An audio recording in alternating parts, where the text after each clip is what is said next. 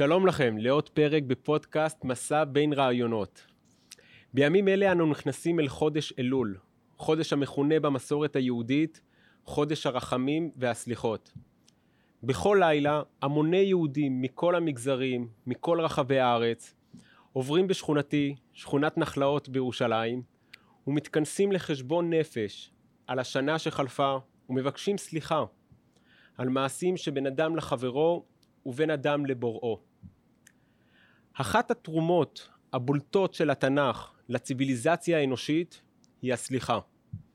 הסליחה מוזכרת לראשונה רק בסיפור יוסף, שהושלך לבור, נמכר לישמעאלים על ידי אחיו, ולאחר שהם ביקשו את סליחתו, סלח להם. את מושג הסליחה היטיב להגדיר הרב יונתן זקס כאחד הרעיונות הרדיקליים ביותר שעלו אי פעם במחשבת המוסר האנושית. ללא רעיון הסליחה שניצב במרכז חודש אלול, העולם היה כנראה מקום רע וגרוע הרבה יותר מכפי שהוא היום. מריבות בין אישיות רבות היו כנראה נמשכות לנצח. סכסוכים רבים בין ישויות, מדינות ולאומים היו נמשכים ללא סוף. הפרק נשוחח על מושג הסליחה ועל לקיחת אחריות ברמה האישית וברמה הלאומית. ועל זה נדבר עם מי שבזכותו הפודקאסט יוצא, הרב יהושע פפר. שלום לך. שלום שמעון, זכות להיות פה, סוף סוף. זה הזכות שלי, כי צריך לומר, הפודקאסט הזה יוצא תחת המחלקה שאתה עומד בראשה, המחלקה של צריך עיון, ובמסורת הישיבתית יש מטען מאוד משמעותי לחודש הזה, חודש אלול. והייתי שמח לשמוע ממך איך אתה חווה את זה, את החודש הזה. מה המשמעות של זה מבחינתך? אה, מצוין. אז אה, קודם כל הזכרת באמת חודש הרחמים והסליחות. הייתי אומר חודש הסליחות בוודאות. חודש הרחמים זה אולי יותר חודש תשרי. כי בסוף יום הכיפורים הוא באמת יום של רחמים, וגם עשרת ימי תשובה הם ימים של קרבה, ימים של דרשו השם בהימצאו, קראו בהיותו קרוב. אבל כדי להגיע לשם, אנחנו צריכים לעבור את התהליך של חודש אלול, שהוא החודש המקדים, מקדים לחודש תשרי, ומאפשר לנו לבוא מוכנים לאותם ימים שהם הימים שבהם אנחנו, אפשר לומר, עושים reset, כלומר מתחילים מחדש את הקשר שלנו עם הקדוש ברוך הוא. וחודש אלול זה הזמן שניתן לנו כדי לחשוב, לעיין, להתכונן, לחשוב פנימה, מה צריך לתקן בכל מה שנוגע לקשר שלנו. גם קשר, קשרים שלנו, קשר מול הקדוש ברוך הוא מצד אחד, וגם קשרים אנושיים מצד, מצד שני. כי סליחה זה לא משהו שאדם עושה בינו לבין עצמו. סליחה זה עניין של שיקום של קשרים. יש לי קשר עם הזולת, עם חברים, עם קרובי משפחה, עם בן או בת זוג, עם הקדוש ברוך הוא, כל אלו קשרים. והקשרים האלו, מטבע הדברים, יש בהם מורכבות, לפעמים יש בהם גם דברים או אלמנטים, צדדים, שהם פחות מתפקדים, פחות תקינים, והם דורשים שיקום ותיקון, והדבר הזה דורש כל אחד לחשוב פנימה, מה החלק שלו בפגם הזה, בבעייתיות עם הקשר, ולהשתדל לתקן ככל שהוא יכול. ואלול זה הזמן שיש לנו כדי להשקיע, להשקיע בדבר הזה. כמובן, חודש שלו בישיבות זה גם תחילת הזמן, תחילת שנה. אז יש בזה כמובן התרגשות מיוחדת. Um, כן, ספטמבר, אלול, זה בא ביחד, זאת התרגשות, ללא ספק. Um, אצלנו הבנים כבר נמצאים בישיבות, זה מרגש להתחיל שנה חדשה, מוסד חדש, אז יש בזה גם התרגשות, אבל ההתרגשות הזאת היא גם לקראת השנה החדשה, לקראת תשרי, ששם אנחנו שוב עושים reset לקשרים האלו, ואלול הזדמנות להכין את עצמנו לקראת אותו reset. מה התהליך השיקום שעליו אתה מדבר בבקשת הסליחה? הרי סתם לבקש סליחה זה לא חוכמה. התהליך הזה של הסליחה היא כוללת בתוכה גם אה, לקיחת אחריות. זה ההכרה של המבקש בחלק שלו במעשה. זה ההכרה שלו ברע אולי שהוא עשה. והחלק הזה של נטילת אחריות זה חלק מאוד חשוב. Uh, כן, ללא ספק. באנגלית יש ביטוי um, to own it. to own it זה, כן, בתרגום חופשי, לקחת בעלות על המעשים שלך. אם אתה לא לוקח, לוקח בעלות, לא לוקח אחריות על המעשים שלך עצמך, אז אי אפשר לבקש סליחה, כי אני לא מבקש סליחה באמת, זה לא שלי. If you don't own it, אם זה לא שלך, אז אין על מה לבקש סליחה. אני חושב שסליחה, הרעיון הזה של סליחות, לבקש סליחה, צריכים באמת להבין את זה בצורה מאוד מאוד פשוטה. לא מורכבת, לא מדי מסובכת. פשוט לומר סליחה. באנגלית to say sorry, להגיד סליחה. אבל להגיד סליחה זה לא עניין של מה בכך. להגיד, להגיד סליחה זה דורש היכרות במה שיש אצלך שהיה לא בסדר. ואם יש היכרות במה שלא בסדר, זה גם דורש היכרות באידיאל שהוא כן בסדר. והדבר הזה הוא מאוד מורכב, הוא, הוא בכלל לא פשוט. כלומר, להבין פנימה היכן אני רוצה להיות, היכן אני אמור להיות, בקשרים הבין-אישיים שלי, בקשר שלי מול הקדוש ברוך הוא. זה בכלל לא פשוט, כי אנחנו שבויים בקונספציות שלנו שאנחנו רגילים אליהן, אנחנו שבויים בדרכי, בהרגלים שלנו, בדברים שאנחנו מקבלים כמובנים מאליהם. כמה פעמים דיברתי עם אנשים והם אומרים לי, ככה אני. ככה אני, אז אם כן אין מה לבקש סליחה, אין מה לעשות בכלל, כי ככה אני.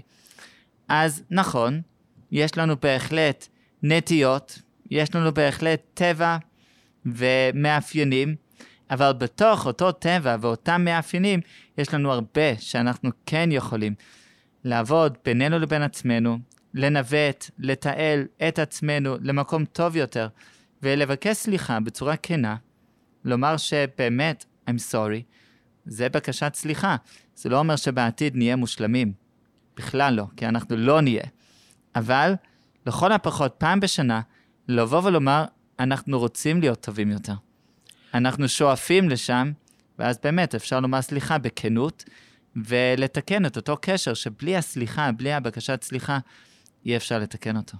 אני חושב שעצם זה שהיהדות נותנת לאדם את היכולת ואת הדרישה לבקש סליחה, יש כאן אמונה מאוד גדולה באדם, על זה שיש לו את היכולת להסתכל פנימה בלי פניות, זאת אומרת, בלי אה, דיסוננס קוגניטיבי, שהוא הוא, הוא מצליח לבחון את עצמו בצורה אובייקטיבית, והתורה מאמינה באדם שה, שהוא יכול לעשות את התהליך הזה של להסתכל פנימה, בלי, אה, בלי להיות אה, אה, משוכנע בדברים שאם הוא עשה, אז בטח הוא עשה אותם טוב. לא. הוא יכול להסתכל פנימה ולבחון בצורה אובייקטיבית האם הדבר שהוא עשה, האם המעשה שהוא עשה, הוא טוב או לא טוב. תשמע, אנחנו אומרים כל בוקר, נשמה שנתת בי טהורה היא. כלומר, יש בנו פנימה אותה טהרה, משהו שהוא שלם, משהו שהוא נהדר ביופיו, וזה נמצא אצל כל אדם. הרמב"ם, בסוף הלכות שמיטה ויובל, אז הרמב"ם לומד את הפסוק בקהלת. שם נאמר שאלוקים יצר את האדם ישר. הרמב"ם לומד שזה רלוונטי לאדם באשר הוא, לכל אדם. אפשר לומר, זה אולי האדם ההיסטורי. האלוקים יצר את האדם ישר, איזה אדם, אדם הראשון. כאילו, והמה ביקשו חשבונות רבים, והיום כבר אי אפשר לחזור לאותו יושר. הרמב"ם מבין לא כך. הוא מבין שכל אדם, מכל באי עולם, יכול לחזור, לנגוע באותו יושר. ונכון, זה אומר שיש לנו את היכולת להתבונן פנימה ולהגיד, שנייה, יש פה חלקים שהם סוטים, שהם לא בהתאמה ליושר הפנימי שלי. האם זה קל? זה לא קל, כי אנחנו חיים גם שוב בהרגלים שלנו, וגם אנחנו מקבלים את האיתותים החברתיים שלנו שמחזקים צדדים בנו שהם לא בהכרח הצדדים של היושר והתואר והתמימות הזאת. ולכן אנחנו באמת צריכים לקחת את ההזדמנות הזאת, זה דורש זמן, זה דורש מאמץ, וזה לא פשוט, זה לא מובן מאליו, באמת ללכת ולחשוב מה אצלנו סוטה מאותו קו ישר, ואיפה אנחנו באמת צריכים uh, להגיד סליחה, לומר סליחות. עכשיו שוב, תהליכים של שינוי הם תהליכים ארוכי טווח. הם לא מיידיים, הם לא בן יום. בוודאי. ולכן, גם כשאנחנו אומרים סליחה, אפשר להאשים אותנו באיזה חוסר כנות. כי אנחנו אומרים סליחה כאשר אנחנו יודעים שגם אחרי יום כיפור אנחנו לא נהיה מושלמים, ואנחנו מן הסתם, כן, הלוואי שלא, אבל מן הסתם, אנחנו נחזור על חלק מאותם מעשים, מאותן נטיות, מאותו חוסר מושלמות. אבל אני באמת ככה רואה את, את פני הדברים. נכון, יש בזה אלמנט שאנחנו יודעים שנחזור ונשנה על אותם החטאים, ועדיין הסליחה היא אמיתית וכנה. אנחנו, תתאר לעצמך, כן, גבר שבא לאשתו ואומר, אה, אני יודע, יקירתי, שאני עושה דברים שמעצבנים אותך, אני משאיר את הגרביים ליד המיטה, וזה מעצבן וזה לא בסדר, אבל ככה אני, תתרגלי. ככה זה החיים. אני מעצבן אותך וזה ימשיך ככה. מול מי שאומר, תראי יקירתי, אני מנסה, את רואה שזה לא קל לי, אני מצטער, באמת סליחה על כך. אני אשתדל לשפר, אני מניח שפה ושם עדיין יהיו לי גליצ'ות, אבל אני מצטער, אני מבקש סליחה. זו עמדה נפשית אחרת זה- לגמרי, והקשר, הוא יכול להשתקם, הוא יכול להתחזק, לחזור לאיזה reset על ידי הסליחה הזאת. לגמרי, ואתה, אה, איך שאתה מסביר את זה, חלק מהסליחה זה ההתבוננות אה, פנימה, ואני רוצה שנייה לחבר את זה לסוגיה שנמצאת עכשיו על אה, סדר היום הציבורי, וזה האסון האזרחי הגדול ביותר אה, במדינת ישראל, אה, אסון מירון. 45 הרוגים. יש אומנם ועדת חקירה ממלכתית ששלחה בימים אלה מכתבי אזהרה לדרגים שונים במערכת הפוליטית, אבל אני רוצה לשאול, אנחנו, כאזרחים, כחברה, איפה האחריות שלנו כדי שאירוע בסדר גודל כזה לא יישנה? איפה אנחנו יכולים ליטול אחריות אה, למרחב שסביבנו? טוב, זאת שאלה כמובן אה, שבאמת אה, מערבת את התחום הציבורי. אירוע מירון הוא לא אירוע פרטי. זה אירוע ציבורי, אירוע של מדינת ישראל, של הציבור החרדי, בין היתר כמובן, אה, ולכן יש פה גורמים ציבוריים שהם אלה שאחראים על הסיפור הזה. מהצד השני, אני מסכים איתך שזה אמור להשליך גם עלינו עצמנו. ובצד אחד, אפשר בהחלט לומר שזה מצביע על כשלים בתפיסות, לא רק במעשים, כלומר המשטרה, כיצד היא, היא, התנהלה, הדרג הפוליטי, כיצד הוא התנהל, כי בסוף הדרג הפוליטי, המשטרה, המדינה וכך הלאה, הם משקפים את התפיסות, את התחושות, את הציפיות של האזרח הפשוט, שלי ושלך. ואני אומר את זה גם בכל מיני רשויות והסדרים נוספים, למשל חינוך, אה, כן, דיברנו לא מזמן, אני ואתה, על שאלות של אפליה וגזענות וכך הלאה, ובדרך כלל נוטים להאשים מנהלי המוסדות, אלה שנמצאים בראש הפירמידה, בפוליטיקה וכך הלאה. בסוף, הם משקפים אותנו. כלומר, הציבור בוודאי, בסוף... לגמרי. לכן האחריות, זה קל תמיד לומר, הנה, הם אשמים, הם צריכים להתפטר, האחריות מוטלת עליהם. בסוף זה משקף משהו בנו, בציבור עצמו. ובעניין מירון, תראה, אני, אני זוכר טוב מאוד שניסו להפקיע את השטח הזה לטובת בעלות המדינה או אחריות המדינה, וכמובן שהוא נשמע קול רעש גדול דווקא מהציבור שלנו, כלומר מהציבור החרדי. שמע חלילה, אל תיגעו במשיחי, אל תחללו את uh, קדושי ישראל, יהפכו את מירון לכותל המערבי שמתנהל בצורה ממלכתית, וחלילה למירון להתנהל בצורה כזאת. והשאלה היא באמת עד כמה זה הוגן ונכון לבוא בטענות מול הרשויות, כאשר אנחנו יודעים שבינינו לבין עצמנו היה דווקא נוח לנו שמירון יתנהל בצורה של שטיפל, בצורה לא ממלכתית, בצורה שמאפשרת גם את האווירה שאין מה לומר, אווירה מיוחדת של מירון, למי שמתחבר לאווירה כזאת, וגם מי שלא מתחבר, נוח לו שיהיה מקום כזה למי שכן מתחבר. ואז השאלה היא כיצד אנחנו מפנימים את המסר הזה, שכשמגיעים לגודל כזה, גם באופן כללי, אבל בפרט בנוגע לציבור החרדי, כל מיני אירועים והסדרים ומערכות עם חינוך ועם אחרות, שמגיעים לגודל מסוים שאתה כן צריך להיות ממלכתי יותר, רשמי יותר, ולא התנהלות של שטיפל שהיא מאוד נוסטלגית בשבילנו. היא מאוד uh, קורצת לנו, אבל היא לא מת, מתאימה לכל, לכל מקום. אז שוב, האם זה מסר ציבורי? במובן מסוים כן, קהילתי, um, פרסונלי, גם. כל אחד uh, יחשוב בינו לבין עצמו, איפה הוא נמצא ביחס לסוגיה הזאת. אבל זה כן מסר מאוד uh, רלוונטי לנו כ- כאזרחים, על זה שהציבור החרדי הולך וגדל,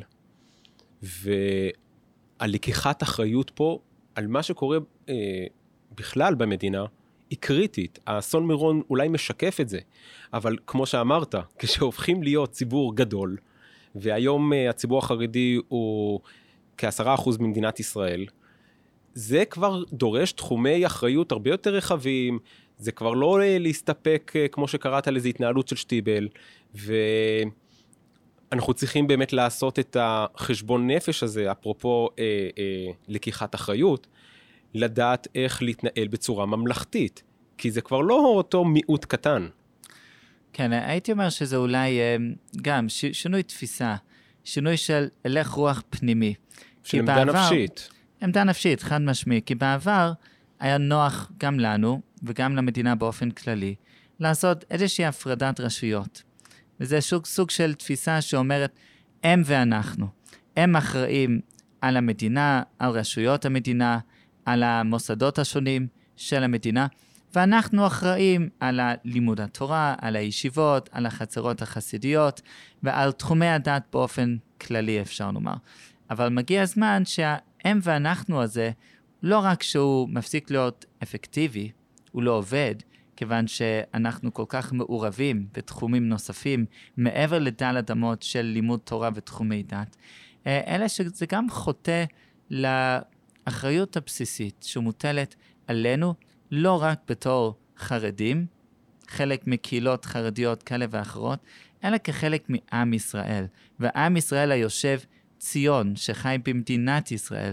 ופה באמת, הייתי אומר, בניגוד להסדר המקורי, כן, בין בן גוריון לבין החזון איש, והחלוקת תפקידים בין השניים, היום אנחנו במקום שלא מאפשר את אותה דיכוטומיה של חלוקת תפקידים, אלא אנחנו חייבים, כן, באנגלית to step up to the plate, כן, להיכנס לזירה הזאת, ליטול את האחריות שמוטלת עלינו בנוגע לתחומי המדינה השונים, הן בתחומי דת ומדינה והן בתחומים נוספים, ואגב, יש לנו גם את הזכות להביא לשם תפיסות תורניות, להביא לשם משהו יהודי יותר לאזורים שבעבר או עד היום עדיין אינם זוכים לאותו, אה, לאותן תפיסות, שוב, צריכים לפתח אותן ולהיות מוכנים לכך, אבל גם מהצד השני, כלומר, גם מהצד של היהודים שאינם חרדים, שגם הם יכולים להיות חלק מהתפיסת האנחנו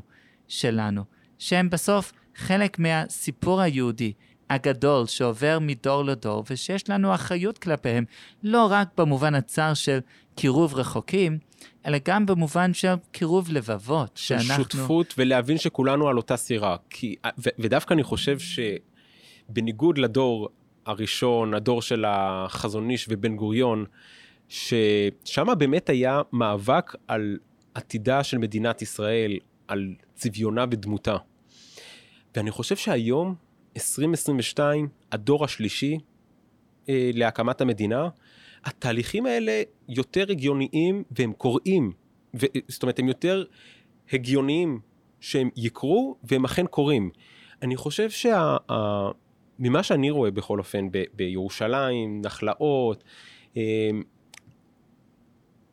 הציבור החילוני הרבה פחות פוחד מהדתי או החרדי, ולהפך. זאת אומרת, היום אה, ישי ריבו מככב בפלייליסט של גלגלצ, כן? אה, שנה אחרי שנה, ומהצד השני גם רואים חרדים בכל מיני תחומים שלא היינו רואים אותם בעבר.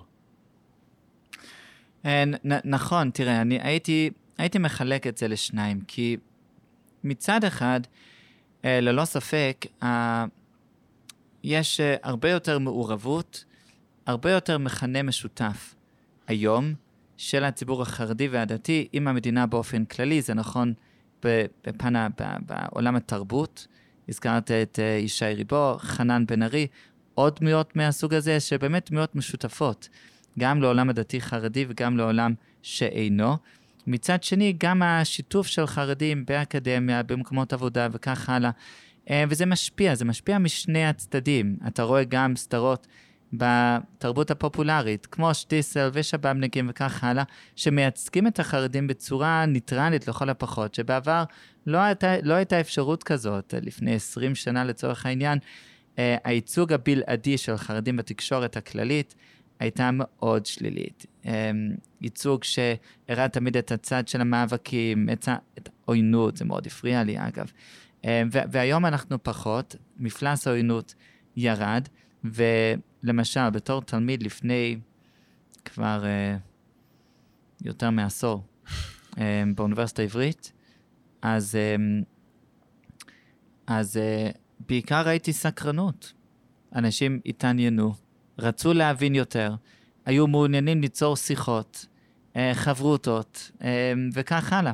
אז זה מיוחד. מהצד השני, ואי אפשר להתעלם גם מהצד השני, יש בהחלט, לא במישור הפרסונלי, האישי, אבל במישור, במישור המוסדי והציבורי, יש בהחלט פחד מהמקום הזה של ההדתה. שכל אחד ישנה את השני. ללא ספק. מצד אחד, רוצים את החרדים מעורבים, שותפים, בכל מיני רשויות ומוסדות, וכמובן בתעסוקה וכך הלאה. מצד שני, פוחדים שהכניסה הזאת של החרדים, היא תגרום למה שנקרא הדתה, או בשפה יותר uh, ריאלית, לשינוי הפרהסיה הציבורית של מדינת ישראל. ויש פחד גדול מזה, כי אנחנו לא רוצים שהמדינה תהפוך להיות מדינה חרדית. אנחנו לא מעוניינים שהאוטובוסים יהיו בהפרדה מגדרית, ושאנחנו אה, נראה פתאום אה, מדרכות מיוחדות, זה לבנים וזה לבנות, ואצטדיונים וכך הלאה. ולכן, בצד הזה, אם זה באקדמיה, אם זה בעולם המשפט הישראלי, ואם בעוד מקומות מהסוג הזה אנחנו רואים ביטויים לא פשוטים של פחד, של חרדה, מהכניסה של החרדים לפרהסיה הציבורית. ובשביל להנמיך את מפלס החרדה הזאת, אז צריכים עבודה משני הצדדים. כלומר, צריכים עבודה גם מהצד של המוסדות או העולמות הללו, של האקדמיה ושל המשפט ושל התקשורת וכך הלאה. צריכים גם שם את המוכנות לתקשורת, לשיח אמיתי. אמ, אם, אם באמת רוצים שהחרדים יהיו שותפים, אז אי אפשר לצפות מהחרדים להיות שותפים, אבל on our terms, כן. כמו שאנחנו רוצים. זה לא פייר, יש פה משהו לא הוגן.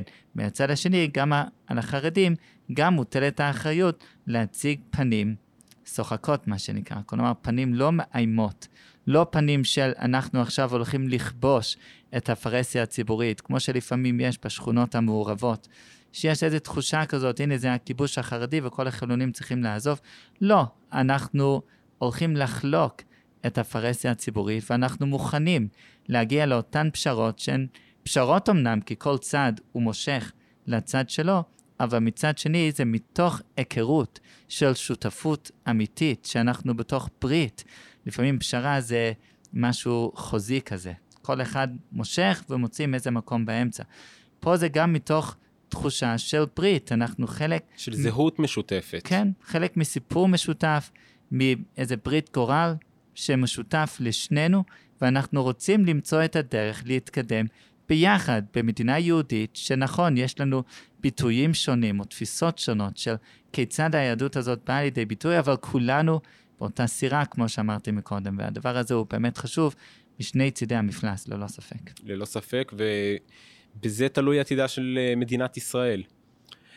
אחת הדוגמאות הבולטות ביותר בחברה האזרחית לנטילת אחריות זה כל הסיפור של תרומות כליה. Okay. אוקיי. אמ, אתה אה, היית ממנסחי כללי האתיקה של העמותה הזאת, ויש לך כמובן חלק... עמותת מתנת חיים. של עמותת מתנת חיים. כן. ובזכותה ישראל הפכה להיות אה, שיאנית תורמי הכליה בעולם. נכון. גם אשתי, אגב, אני מניח שאתה יודע את זה, כן, אבל אשתי כן. תרמה כליה לפני כחודש. נכון, וכל שזה אדם באמת סיפור שתורם... מה- מהמם. זה לגמרי, אני, אני רואה אנשים שתורמים ואני אומר, "אה, זה, זה, זה דמויות להערצה. ו, מסכים איתך. ללא ספק. והשאלה שלי, איך אפשר לפתח את הערך הזה של אחריות, להטמיע את הערך של ערבות הדדית? כי נדרש לזה כוח פנימי מאוד מאוד uh, חזק כדי לקחת אחריות על מה שקורה מסביב, uh, לדאוג למישהו שהכליה שלו לא מתפקדת, ואנשים לא מכירים בכלל אחד את השני ותורמים. וזאת דוגמה בולטת שאני אשמח דווקא כאחד שמכיר את התחום, אולי, אה, אה, אולי תוכל לפת, אה, לפתח את הרעיון הזה של איך מפתחים אה, תחושת, איך מפתחים תח- אה, ערבות הדדית ולקיחת אחריות. טוב, אז, אז קודם כל אני רק הייתי מציין שמדינת ישראל באמת אה, היא מקום מיוחד אה, בהקשר הזה.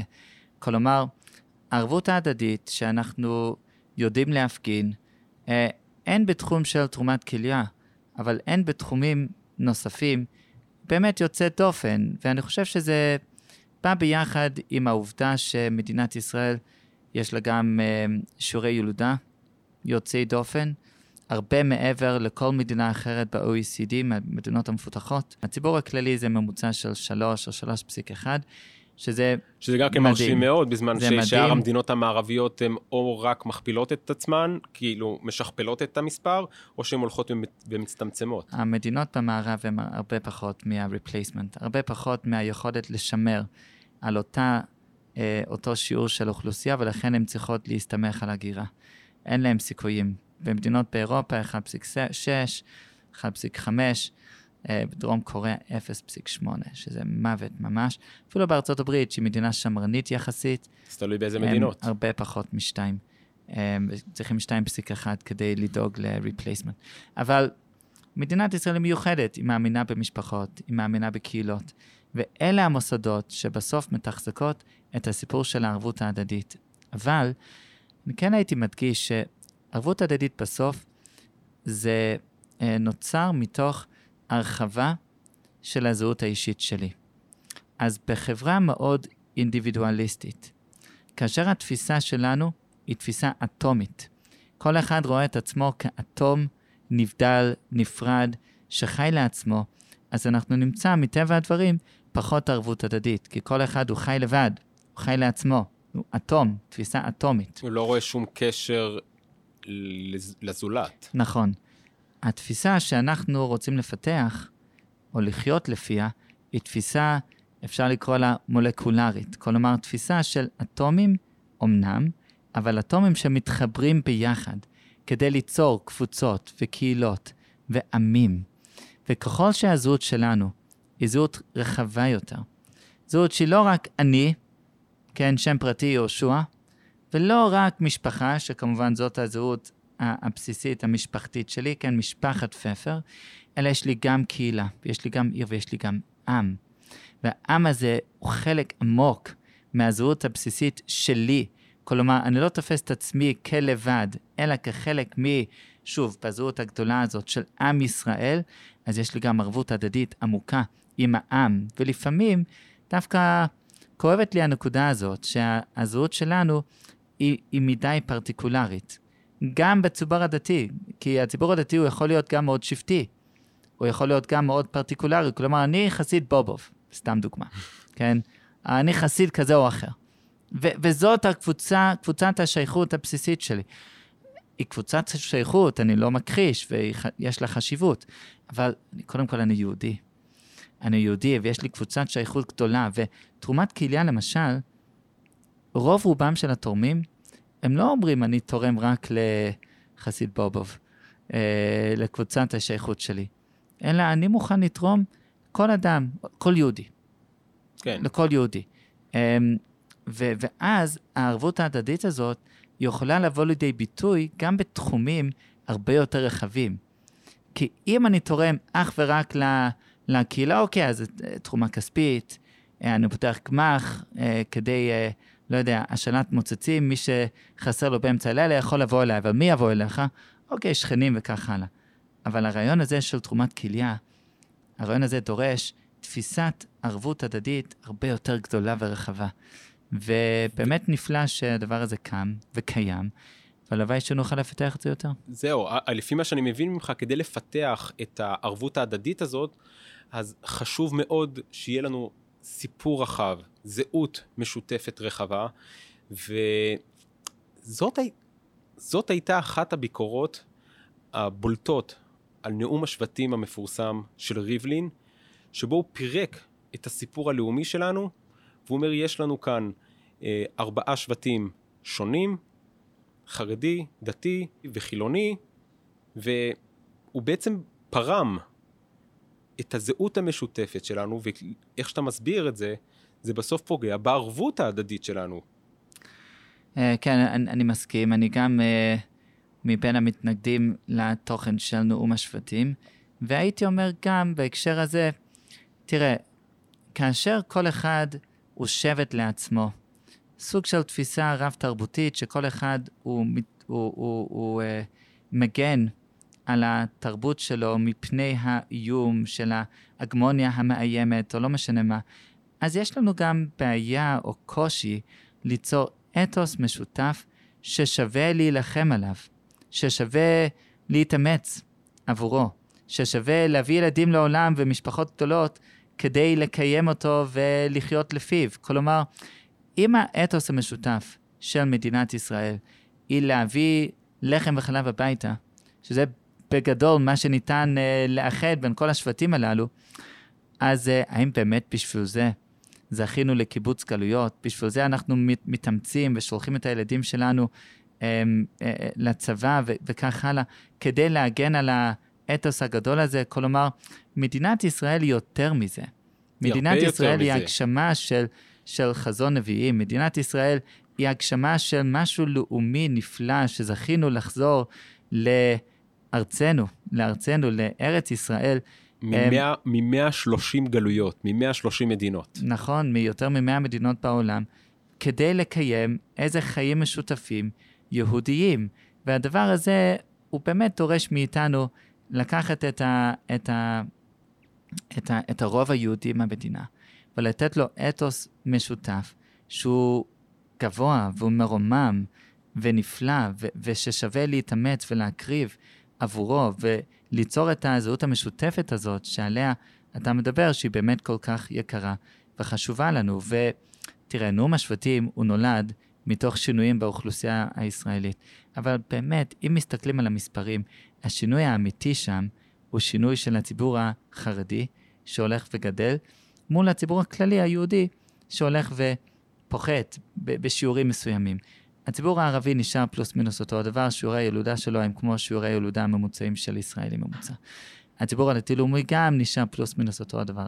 הסיפור הגדול בין ארבעת השבטים זה החרדי מול הכללי. האם באמת הציבור החרדי רוצה להיות איזה מיעוט מסכן שמגן על התרבות הייחודית שלו בפני ההגמוניה?